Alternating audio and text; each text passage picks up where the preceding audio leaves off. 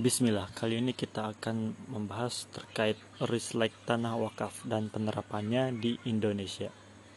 Makna wakaf secara istilah ulama berbeda pendapat. Mereka mendefinisikan wakaf dengan beragam sesuai dengan perbedaan mazhab yang mereka anut, baik dari segi kelaziman atau ketidaklaziman. Menurut mazhab Syafi'i, para ahli fikih mazhab Syafi'i mendefinisikan wakaf dengan beragam definisi yang diringkas sebagai berikut. Wakaf dengan menahan harta yang dapat mengambil manfaatnya bukan untuk dirinya, sementara benda tersebut tetap ada dan digunakan manfaatnya untuk kebaikan dan mendekatkan diri kepada Allah. Menurut mazhab Hanafi, berbeda pendapat dengan mazhab Syafi'i, mazhab Hanafi mendefinisikan Berbeda dengan mazhab Syafi'i, mazhab Hanafi berpendapat bahwa wakaf adalah hasbul mamlukan at-tamlik min al-ghair yang berarti menahan harta dari jangkauan kepemilikan orang lain.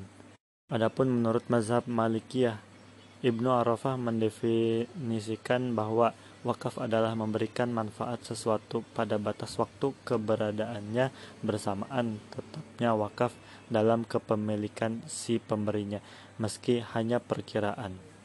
Menurut mazhab Hanabilah, ulama Hanabilah mendefinisikan wakaf sebagai berikut. Definisi, definisi Ibnu Qudamah dari kalangan Hanabilah, wakaf yaitu menahan yang asal dan memberikan hasilnya. Adapun definisi wakaf menurut hukum positif yang ada di Indonesia adalah sebagai berikut. Wakaf adalah perbuatan hukum wakif untuk memisahkan dan atau menyerahkan sebagian harta benda miliknya untuk dimanfaatkan selamanya atau untuk jangka waktu tertentu sesuai dengan kepentingannya guna keperluan ibadah dan atau kesejahteraan umum menurut syariat. Adapun landasan hukum wakaf yaitu dalam Al-Quran surat Al Imran ayat 92 yang artinya kamu sekali-kali tidak sampai kepada kebajikan yang sempurna sebelum kamu menafkahkan sebagian harta yang kamu cintai dan apa saja yang kamu nafkahkan maka sesungguhnya Allah mengetahuinya. Dan adapun hadis yang menjelaskan tentang landasan hukum yang berkaitan dengan wakaf yang artinya berkata Yahya bin Yahya Tamami memberi kabar kepada kami Salim bin Akhdar dari Ibnu Aun dan Nafi dan Ibnu Umar mengatakan bahwa Umar memperoleh tanah di Khaybar. Lalu dia datang kepada Nabi Wasallam untuk meminta fakta mengenai tanah tersebut. Kemudian dia mengatakan, Ya Rasulullah, saya lebih saya telah mendapatkan tanah di Khaybar. Saya belum pernah mendapatkan harta yang lebih bernilai bagi saya daripada tanah tersebut. Lalu, apa yang Anda sarankan kepada saya? Rasulullah bersabda, "Jika kau mau, sebaiknya kau pertahan, pertahankan harta tanah pokok." lalu kau sedekahkan hasilnya. Maka Umar pun menyedekahkan penghasilan tanah tersebut. Tanah tersebut tidak dijual, tidak dibeli, tidak pula diwariskan dan tidak dihibahkan. Umar menyedekahkan penghasilan tanah tersebut kepada orang-orang fakir, sanak kerabat, para budak untuk sabilillah, ibnu sabil, dan tamu. Orang yang mengurusi tanah tersebut tidak dilarang memakan sebagian hasil tanamannya dalam batasan-batasan yang baik atau dia diberikan kepada temannya tanpa dijualnya. Selanjutnya yaitu proses penerapan rislek tanah wakaf di Indonesia.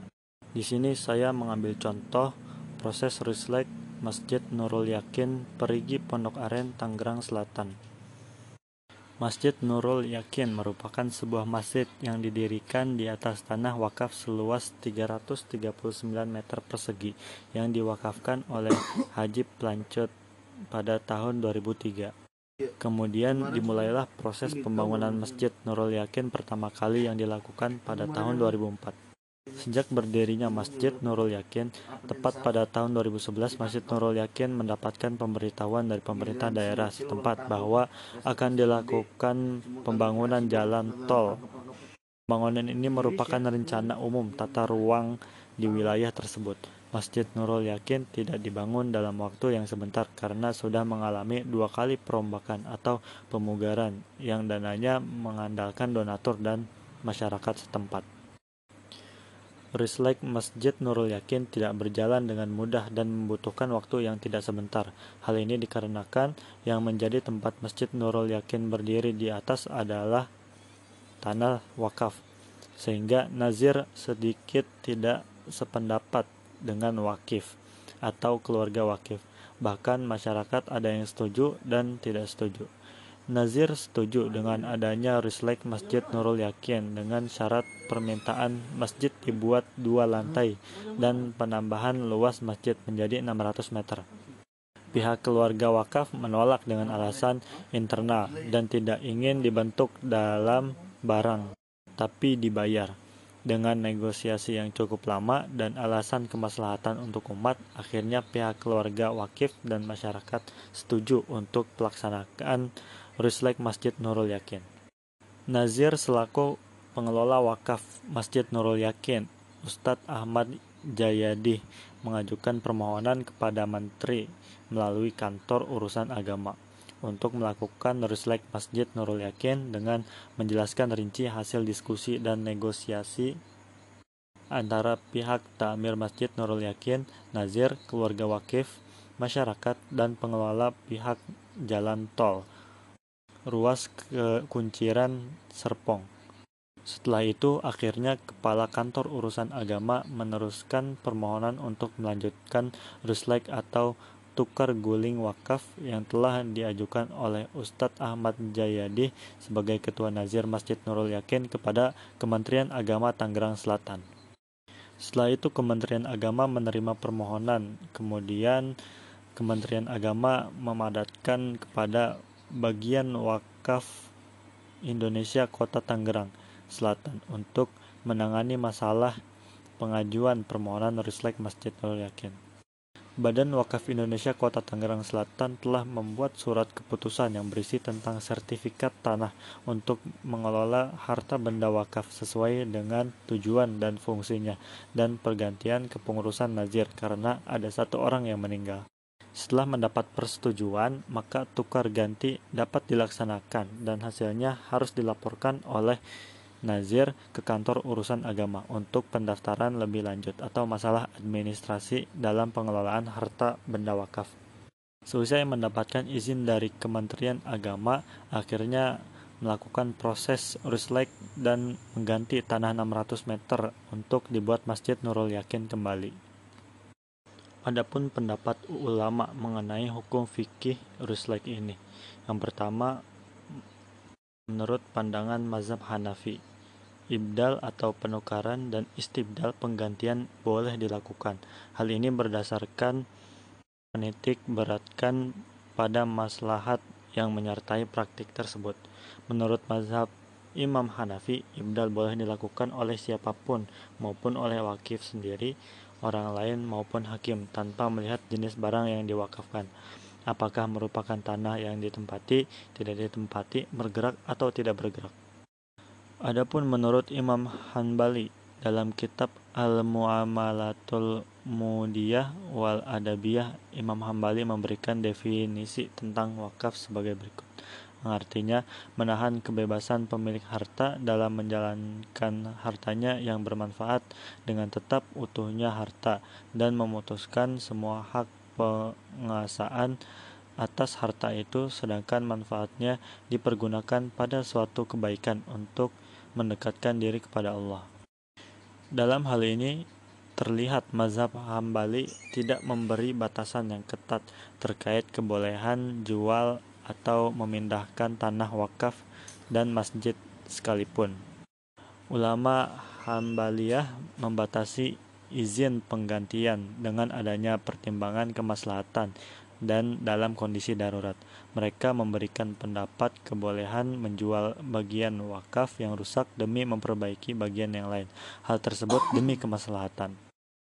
Kemudian menurut Imam Maliki Dalam kitab Al-Mu'amalatul Madiyah wal Adabiyah juga Imam Malik memberikan definisi tentang wakaf yang artinya menjadikan manfaat benda yang dimiliki baik yang berupa sewa atau hasilnya untuk diserahkan kepada orang yang berhak dalam bentuk penyerahan yang berjangka waktu sesuai dengan apa yang dikehendaki oleh orang yang mewakafkan.